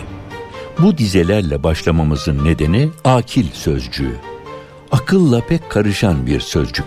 Kullanım yanlışlarından sakınmak için biraz daha yakından bakacağız. Akil bir sıfat, tam karşılığı akıllı kimse. A sesi uzun söyleniyor. Akil. Akilane de akıllıca demek. İkinci A da uzuyor ve L ince söyleniyor. Bir de çok bilinen ama bol bol akıl bali biçiminde kullanılan bir deyimimiz var döl verebilecek duruma gelmiş olan ergen, erişkin demek. Ama aslı akıl bali ya da akil bali. Öte yandan Devellioğlu sözlüğünde aklı baliye rastlıyoruz. Ergin kimsenin hali olarak açıklanıyor. Akil bali olmak da ergenleşmek, döl verebilecek duruma gelmek demek. Gelelim akla. Evet, akla değil akla. Ünlü bir ek alınca ı sesi düşüyor ve akıla yerine akla oluyor. Türlü açıklamaları var. İlki düşünme, anlama, kavrama ve davranışlarını ayarlama melekesi. Yaklaştım hamamda külhan yerine. Yaklaştıkça daha sıcak bölmeler. Saplandı mı akıl bir kez derine? Her an dirilmeler, her an ölmeler demiş Necip Fazıl Kısa Kürek. Sonra hafıza hatır anlamı var. Namık Kemal de ah daima o, gözümde o, hayalimde o, aklımda o, o, o diyor. Daha daha fikir, düşünce. Sende bu akıl varken daha çok çekersin. Pek çok deyimde geçiyor akıl. Akıl defteri, akıl sır ermemek, akıl etmek, akıl kârı, akıl yürütmek, akıllara seza, akla zarar, aklı başına gelmek ve böyle uzar gider.'' Biz iyisi mi bir atasözümüzle bitirelim programımızı. Akılları pazara çıkarmışlar, herkes yine kendi aklına almış. E, hak vermemek olanaksız. İyi günler. Dil Yaresi hafta içi her gün NTV Radyo'da.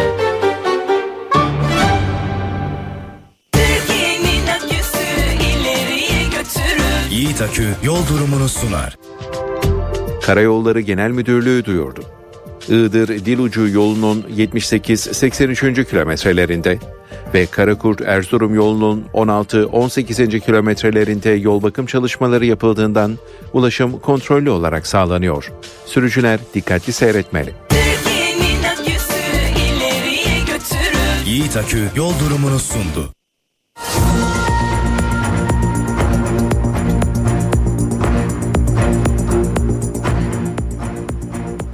NTV Radyo'da haberleri aktarmayı sürdürüyoruz. Merkez Bankası bugün faiz kararını açıklayacak. Bu yeni başkan Fatih Karahan başkanlığındaki ilk karar olacak. Merkez Bankası'nın 8 toplantıdır devam eden faiz artış sürecini sonlandırması bekleniyor.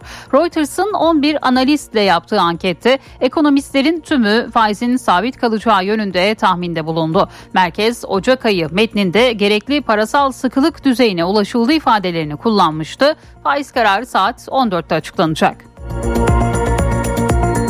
Cumhurbaşkanı Recep Tayyip Erdoğan Afyonkarahisar mitinginde konuştu. Muhalefete yönelik sert eleştirileri vardı.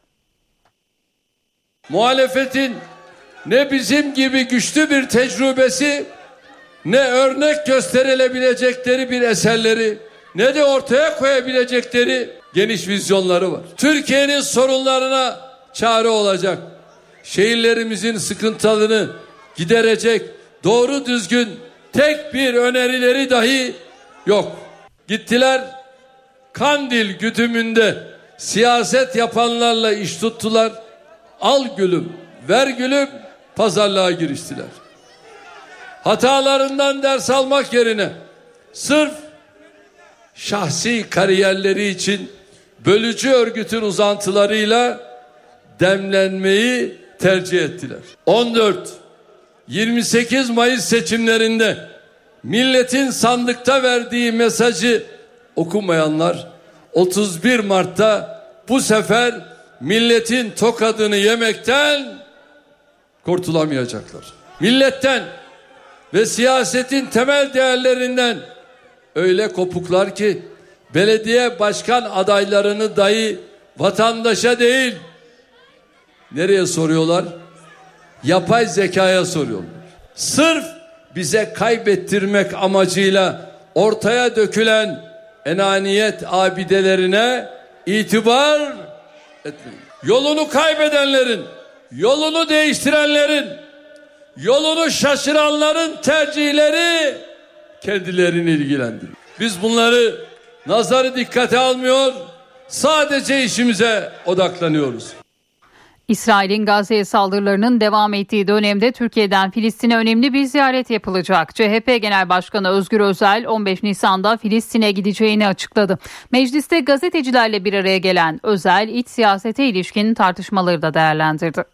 CHP Genel Başkanı Özgür Özel 31 Mart seçimlerinin ardından Filistin'e gidecek. 15 Nisan'da yapılması planlanan ziyarete ilişkin ayrıntıları Özgür Özel açıkladı. Filistin Devlet Başkanı Mahmut Abbas ile görüşeceğiz. Filistin'de yakınlarını kaybedenlerin aileleriyle yaralılarla Ramallah'ta bir araya geleceğiz. Oradan bütün dünyaya ve Türkiye'ye çağrı yapacağız. Mecliste gazetecilerle bir araya gelen Özel Hatay Büyükşehir Belediye Başkanı Lütfü Savaş'ın adaylık sürecine ilişkinde bilgi verdi. MYK'da 40'a yakın kişiyle toplantı yaptık. Bir kişi de Lütfü Savaş dışında bir seçenek dile getirmedi. AK Parti karşısında en güçlü seçenek olarak başka bir alternatif yok. Anket şunu gösteriyor. AK Parti ile aramızda 3-4 puan fark var. Bazen önde bazen geride ölçülüyor. AK Parti ile CHP arasındaki yarışa tip, DEM Parti ve diğer irili ufaklı sol partiler müdahil olur ve taraf seçerlerse seçimi biz kazanıyoruz.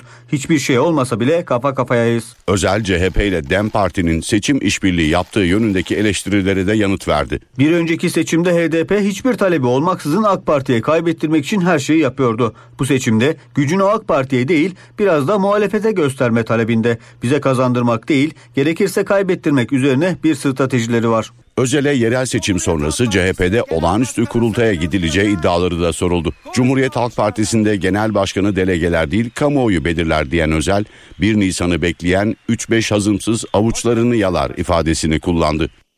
Emeklilerin bayram ikramiyelerinin artırılmasını da içinde barındıran 8. yargı paketi Meclis Adalet Komisyonu'nda kabul edildi. Ramazan bayramı için ödemelerin 10 Nisan öncesinde yapılması bekleniyor. Birçok önemli değişikliğin yer aldığı teklif Meclis Genel Kurulu'na gidecek. Teklifin yasalaşması halinde uzun yargılama süreleriyle ilgili manevi tazminat talepleri Anayasa Mahkemesi'nden önce Adalet Bakanlığı'na bağlı Tazminat Komisyonu'na yapılacak. Anayasa Mahkemesi'nin iptal ettiği bazı düzenlemelerde iptal gerekçelerine göre göre yeniden hazırlandı. Meclis Genel Kurulu'nda DEM Parti milletvekilleri 21 Şubat tarihinin uluslararası ana dil günü olduğunu gerekçe göstererek konuşmalarını Kürtçe yapmak istedi. Bu durum tartışmaya yol açtı. Biz Kes.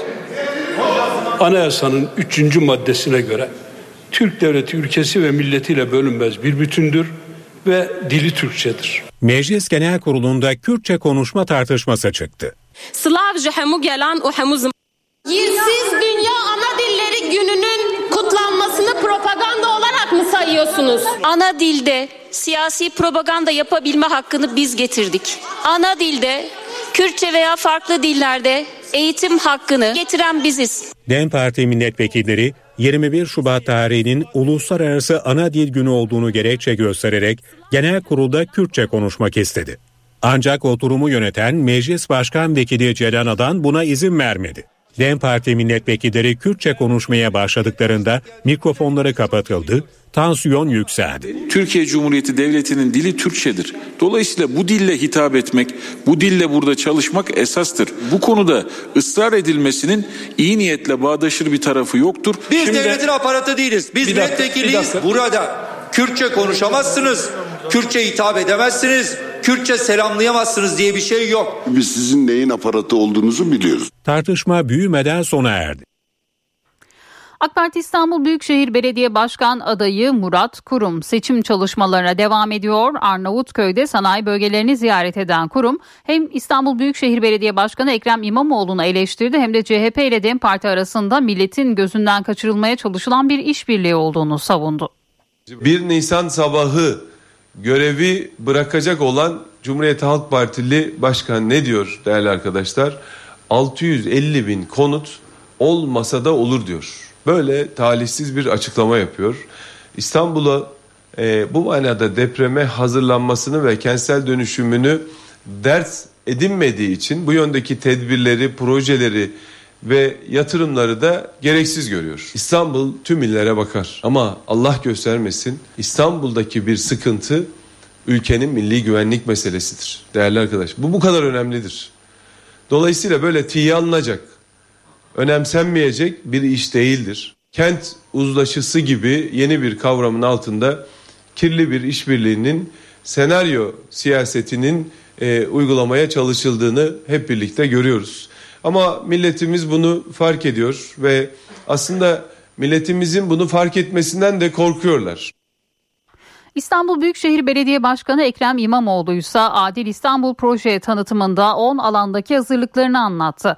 600 bin haneye sosyal destek paketi hazırladıklarını söyleyen İmamoğlu hangi siyasi görüşten olursa olsun herkese hizmet vereceğiz dedi. İmamoğlu 40 yaş üstü kadınlar için de yılda bir kez ücretsiz mamografi 18 yaş üstü kadınlar içinse ultrason çekim hizmeti vereceklerini vaat etti. Size gururla hizmet edeceğiz. Kimin ne olduğuna bakmaksızın, hangi siyasi görüşe sahip olduğuna bakmaksızın her biriniz bizim eşit, onurlu vatandaşlarımızsınız.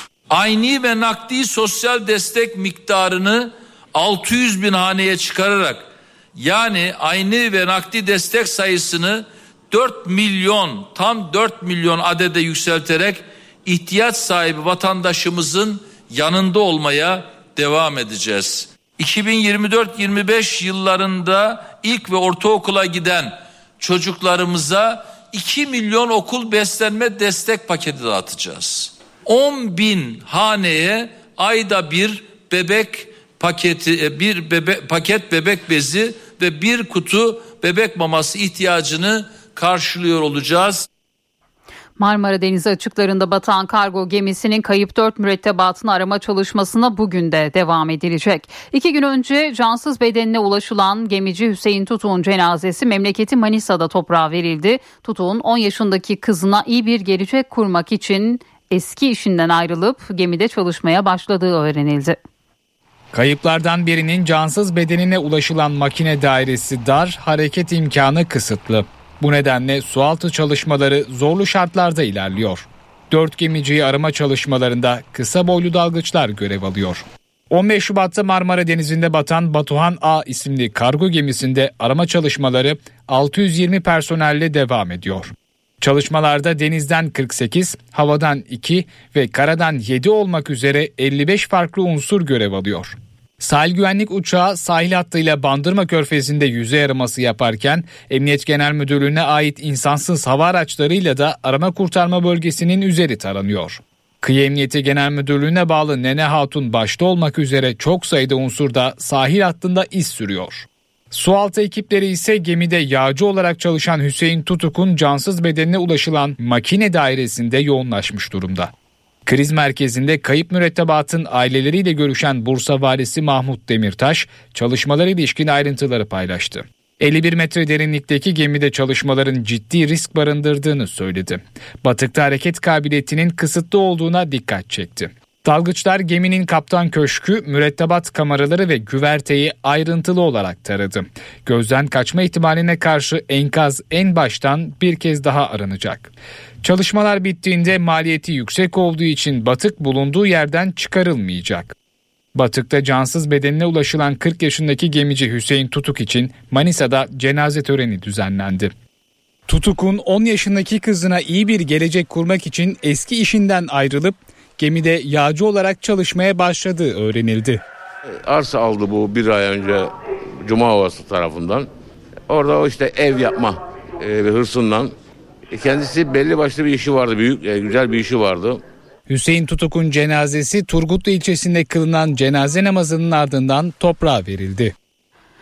Erzincan'da facianın yaşandığı madende insansız hava araçlarıyla yapılan inceleme bir ihmali daha gözler önüne serdi. Heyelanın olduğu liç yani atık toprak yığınının yüksekliğinin dünyadaki benzer örneklerin iki katı olduğu tespit edildi. Heyelan olan yığının yüksekliği İstanbul'daki gökdelenlere yakın taban kotuyla maksimum kot arasında 257 metre mesafe ölçtük.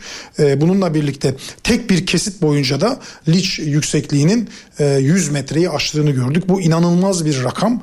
Bizim kanaatimizce bu yükseklik kontrol edilebilir seviyeden çıktı. Dünyada şöyle biz rastlamadık literatürde. Kendimizde yaptığımız yurt dışı gezilerinde böyle bir liçe denk gelmedik. Erzincan'ın İliç ilçesindeki maden faciasının nedeni araştırılıyor. Karadeniz Teknik Üniversitesi'nden bilim insanlarının yer aldığı heyet 9 işçinin toprak altında kaldığı alanda insansız hava aracıyla inceleme yaptı. Sonuç çarpıcı. Buna göre liç yığınının yani altını elde etmek için kullanılan malzemenin yüksekliği çok fazlaydı. Dünya literatüründe 150 metre olan yükseklik burada 257 metre olarak ölçüldü.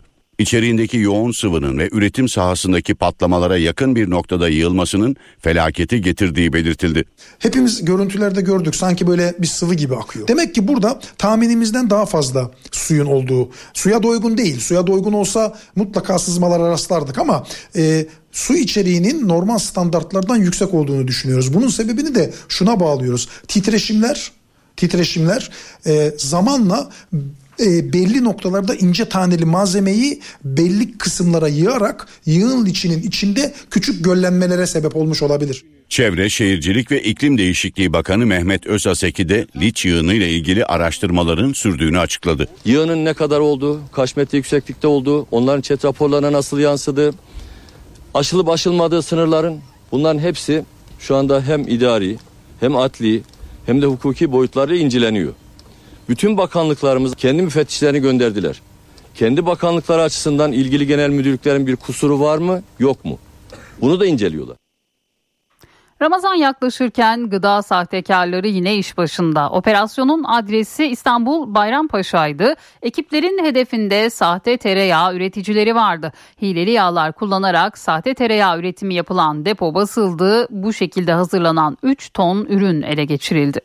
En fazla ve yaygın gördüğümüz sahtecilik bitkisel bazlı margarinler kullanmak. Piyasa değeri 5 milyon lira olan ve dağıtıma hazır 3 ton sahte tereyağı ile geçirildi.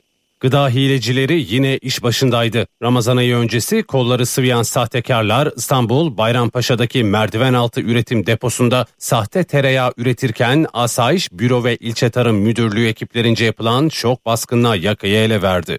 Yapılan baskında piyasa değeri 5 milyon lira olan 3 ton tereyağı ile geçirildi. Yağların içinde bitkisel yağ ve margarin gibi ürünlerin kullanıldığı tespit edildi. Sahte tereyağı üreten iki kişi polis ekipleri tarafından gözaltına alındı. Tereyağının içine böyle patatesi yerleştirenler var. İşte bitkisel bazlı yağlar yerleştirenler var. En yaygın gördüğümüz bu nişasta koyanlar var. Tereyağı dolaba koymak için ikiye bölüyorlar. Ortasında patates var. Tabii ki doymuş yağların kalp ve e, damar sağlığı açısından dezavantajlı olduğunu biliyoruz. Yani zararları olduğunu biliyoruz. Üzerine tereyağı diye fazla para vererek aldığınız, işte güzel kurabiyeler, güzel yemekler yapayım diye aldığınız ürünün aslında e, daha da basit bir doymuş yağ olması evet bu sağlık açısından da bir miktar daha riskli olabilir. Uzmanlar güvenilir markalardan alışveriş yapılmasını öneriyor ve sahte tereyağını anlamak için de birkaç püf noktayı işaret ediyor. Tamamen anlamak mümkün değil ama ayırt edebilip şüphelenip almamak mümkün. Nasıl mı? Bir kere rengi değil.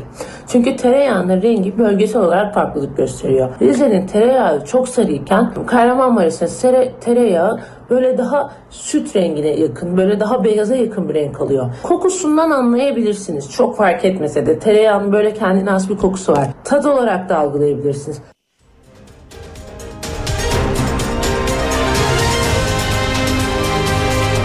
NTV Radyo HDI Sigorta İstanbul'un yol durumunu sunar.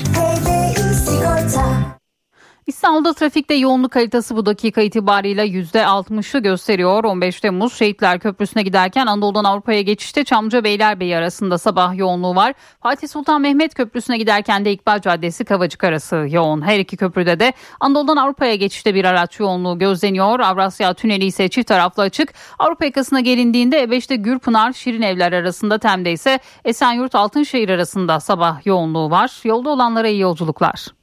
HDI Sigorta İstanbul'un yol durumunu sundu. HDI Sigorta